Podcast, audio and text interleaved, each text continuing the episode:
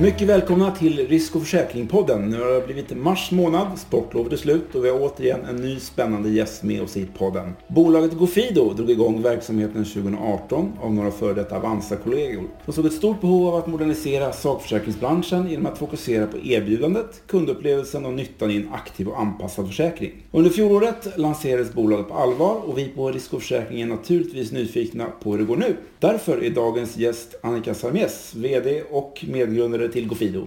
Välkommen till Risk och försäkringspodden Annika. Tack så jättemycket. Hur står det till med dig? Och jag mår jättebra idag. Det händer så mycket roliga saker, både hos oss och eh, på marknaden, så jag mår toppen. Och så är det fint väder också. Bara en sån sak. Har det blivit någon sportlovsledighet för dig? Nej, det hinner jag inte. Jag sportar på här med Gofido. Ja, det låter Ja. bra. Gofido alltså, varför heter ni det och vad ligger bakom det här hundklingande namnvalet? Vi började ju inte med namnet egentligen, utan med eh, värderingarna i bolaget. Jag tror och är helt övertygad om att eh, värderingarna i ett bolag är också grunden i, i alla de relationer som vi skapar. Så vi började med våra värderingar. Innan vi ens visste exakt vad vi skulle göra så satte vi bolagets värderingar och de mynnar sedan ut i att hitta rätt namn och då blev det Gofido. Så det är ingen direkt hundkoppling i, eh, i valet av namn? Kopplingen, jo men det är ju faktiskt det, för kopplingen i namnet är ju kopplat till våra värderingar. Vi ska vara vid din sida, vi är smarta inifrån och ut, vi är öppna med fakta och ja, framförallt, vi vaktar ditt hem och då blev det naturligt. Vem gör det? Vem är vid din sida? Vem är din bästa vän? Ja, men det är en hund. Det är din hund där hemma. Och då blev kopplingen hunden och ett namn som funkar i Sverige, funkar i fler länder, Fido. Ännu mer Go, då blev det Go Fido. Ska det inte heta Go-Fido då eller? I internationella verksamheten så får Ja, det kanske det blir. Go Fido. mm, Vi får smaka på den. Varför Ja. inte? Det är faktiskt fritt fram att uttala. Just nu heter vi Gofido när vi bara då är i Sverige än så länge. Det funkar för mig. Men hur går det för just nu? Det går ju helt enligt plan. Vi satte tidigt en, en plan som bygger på stegvis utveckling. Både i vad gäller våra tjänster, vad gäller att välkomna kunder och även i hur många tjänster och vilka kunder. Och vi följer den planen. Vi satte en plan för två år sedan och eh, vi följer den till punkt och pricka, kan du tänka dig? Mycket bra. Ja. Hur många kunder har ni nu då? Ja, jag kommer inte dela med mig av alla de smaskiga siffrorna. Jag förstår att du frågar och det är roligt. Jag kommer inte gå in på hur många kunder vi har, men det som är roligt att se är ju att eh, lyssna in på våra kunder, vad de tycker och tänker. Har vi tänkt rätt? Och det visar sig att det har vi ju gjort. Ni på bolaget har ju sagt att Gofido inte skapades för att ni älskar försäkringar utan för att det behövs. Vad Ja. menar ni med det? Vi är ju ett gammalt Avanza-gäng som har varit med och utmanat och förändrat tidigare. Några exempel är ju bolån, fonder, pensioner och kunde ju bara sitta där i, i vårt förändringsarbete och fundera titt som tätt på varför händer ingenting på sakförsäkringsområdet? En jätteviktig del i din ekonomi. När vi hade förändrat de här delarna och det fortfarande inte hade hänt någonting på sakförsäkringsområdet så tänkte vi att någon måste göra det här och denna någon är antagligen vi då. Och det var där vi började diskutera Gofidos framfart. Är det många svenskar som är överförsäkrade idag tycker du? Du, om vi tittar på hemförsäkring där vi har valt att eh, starta Gofidos tjänster av den enkla anledningen att vi vill göra störst skillnad för så många människor som möjligt, eh, så är ju majoriteten överförsäkrade. Hur ser ni det då? På vilket sätt? Jo, om du tittar på, du kan ta fram fem olika försäkringspaket som det har sett ut eh, hittills, så är de väldigt lika. Vi har x antal miljoner försäkrat i våra hemförsäkringar, men alla vi som lyssnar på den här podden lever våra liv på helt olika sätt, bor på olika sätt, men har exakt samma försäkring. Det är ju inte rimligt att vårt behov är exakt lika. Och vad vill ni på Gofido göra åt det? Självklart att vi, att vi ska kunna anpassa vår försäkringstjänst utifrån hur vi bor och hur vi lever. Det borde ha hänt för länge sedan. Så varför har ingen gjort det på det sättet? En försäkring är ju en kompis som lever med oss i vår ekonomi under hela våra liv och våra liv förändras och vi lever på olika sätt. Så eh, då var det dags och vi skapade Gofido.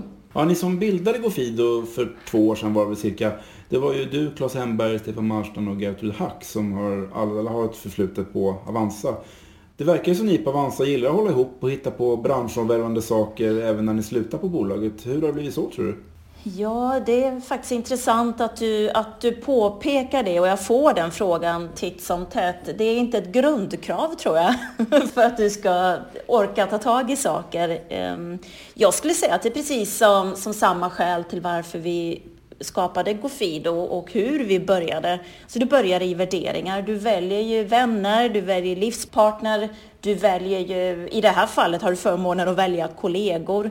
Så vi möts ju i första hand kring värderingarna och sen har vi ju jobbat tillsammans så vi, vi vet ju vad vi, vad vi går för. Det underlättar också. Vi har just förändrat många delar av finansiella industrin och eh, jag tror att det är de två delarna tillsammans som gör att, att vi vill fortsätta skapa tillsammans. Och såklart Avanza är också ett extremt värderingsstyrt bolag så det är klart att vi har med oss det från alla de åren tillsammans där. Hur viktigt tycker du själv att det är att ifrågasätta och utmana hur branscher fungerar? Är det retorik för ett affärsmässigt syfte eller ligger något annat bakom? Någon ideologiskt kanske? Ja, det är ju inte så att, tror jag inte, det kanske mina vänner får, får beskriva om jag håller på och ifrågasätter allt och alla hela tiden. Jag hoppas inte det. Nej, alltså min personliga drivkraft ligger i kundbehovet. Och när jag ser att det borde gå att göra någonting och till och med att det går att göra någonting så föds ju en frustration kring varför gör inte någon någonting åt saken? Det är ju det som jag såg på Gofido och det var ju varför jag ville vara med och, och bygga det här bolaget och skapa den här förändringen. Men du ser exakt samma sak i pensionsindustrin. Du kan ta flyttfrågan och allt som har debatterats där i tio års tid men alldeles för få personer gör någonting. Få bolag agerar på det där det faktiskt går att göra saker som underlättar hela den hanteringen. Det finns mycket att göra och eh, min drivkraft kommer ju från att eh, kund är eftersatt, Går det att göra, jag hittar vägar till det, då, då vill jag vara med och skapa den förändringen med kunden som utgångspunkt. Men orkar och vill svenskarna engagera sig i försäkringar? Det, det har man ju undrat länge.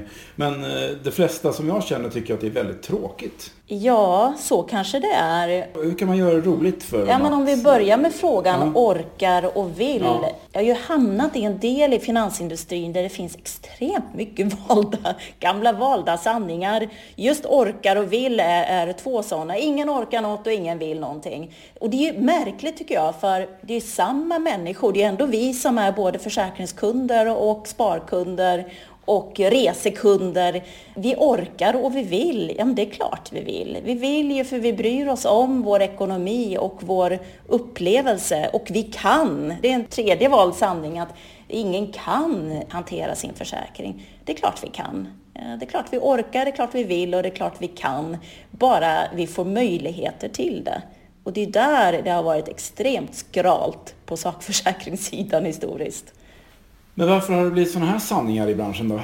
Jag skulle säga av två skäl. Alldeles, alldeles för lite konkurrens. Återigen, gå, gå, stick ut huvudet där och titta på hur ser paketen ut hos de försäkringsbolag som finns i Sverige idag? Ja, helt likadana, om jag ska vara helt ärlig. Lite olika rabatter från år till år, men annars är det samma paket.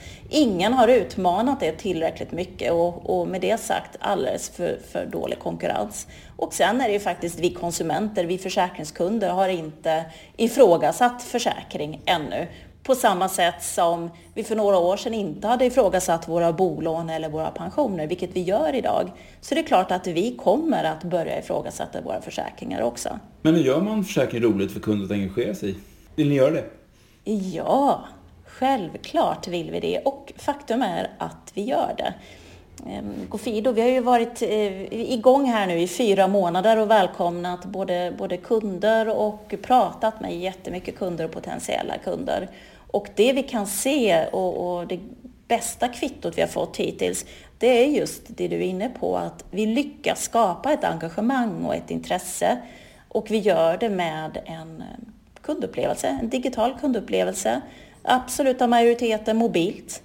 Och att det är enkelt, du ser vad du har, du förstår varför, du ser vad varje del kostar och du kan enkelt lägga till och ta bort och förändra. Närmare 80 procent av våra användare gör det direkt och utifrån det får en anpassad försäkring som passar dig, hur du lever och ja, 30-50 procent lägre pris dessutom. Tror du att svenska försäkringskunder är redo för att gå mot en on-demand-försäkring, att plocka ihop en försäkring utifrån sina behov? Krävs det någon kunduppfostran först? Vi är mer uppfostrade än någonsin förr. Det är, jag är tillbaka till det. Det är samma personer vi pratar om. Det är vi här som sitter och lyssnar. Vi är uppfostrade. Vi, vi hanterar nog den större delen av vår vardag i mobilen. Där vi köper resor, vi väljer elavtal, vi köper till och med bostäder. Vi hanterar vår ekonomi helt och hållet digitalt. Vi är väldigt uppfostrade vad gäller att hantera även försäkring eh, digitalt. Vi har bara inte haft, fått möjligheten att göra det. Om det tog tio år att uppfostra en kund för ett antal år sedan så går det betydligt eh, fortare nu. Och vi, vi är på god väg på kunduppfostran. Vi har en vana. Den här resan kommer att gå fortare än vad övriga resor har gjort, till exempel inom sparande. Erbjuder ni på Gofido rådgivning till kunderna? Försäkringsrådgivning? Ja, absolut. Hela, hela vår tjänst är ju en rådgivningstjänst. Så när du med ditt personnummer går in på Gofido och du får en rekommendation, där är du igång med vår rådgivning. Så det är en digital rådgivningstjänst helt bakomliggande. För ett år sedan så bestämde ni för ett samarbete med sakförsäkringsgivaren Eir Försäkring. Hur fungerar det samarbetet? Det är två nykomlingar i den här industrin som tar armkrok och gasar på och det är otroligt roligt eh, att få göra det och det är häftigt att det går. Det här har nog varit den tuffaste delen, tycker jag, i de här två åren, att, att hitta en försäkringsgivare som har samma ambitioner om att räkna risk på ett nytt sätt och slicea upp de där gamla paketen till någonting helt annat. Det är egentligen fullt med moment som ska gå att anpassa, så det är ju även tekniken som det ställs krav på och där hittade vi Ejer och det har ju varit en grundförutsättning för att vi ska kunna skapa det vi har gjort tillsammans och, och fortsätta skapa framåt. Så har det gått bra? Ja, men det tycker jag. Annars skulle vi inte sitta där vi gör idag. Det stämmer. Men eh, vilken reaktion har ni fått från andra försäkringsaktörer att ni har startat upp och vill förändra kunders syn på försäkring? Har ni hört någonting? Vi har hört massor. Tell me, tell me. Ja, vi har hört det där kommer aldrig att gå eh, för att eh, försäkringskunden sitter stilla, gör inga egna val, vill inte bry sig och precis som dina vänner Eh, så säger branschen att alla tycker det är tråkigt så att eh, vi går och gömmer oss.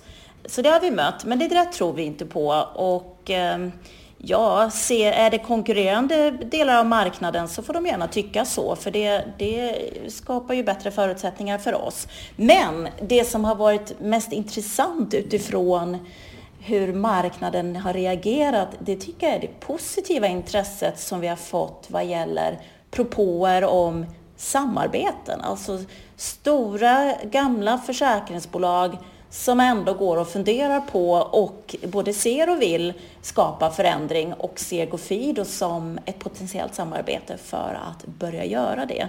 Och det är både svenska försäkringsbolag och det är europeiska försäkringsbolag. Det är ju jätteroligt. Det behövs ju pengar för att starta upp ett bolag, framförallt kanske under en pandemi kanske det har varit jobbigt att göra det, men finns det behov av att ta in mer pengar? Det gör det. Nu, nu frågar du ju i ett läge där vi precis har, har avslutat en kapitalrunda, så just nu så handlar det om att verkställa planer här på Gofido mm. med det förtroendet som vi har fått med de investeringar som vi har fått.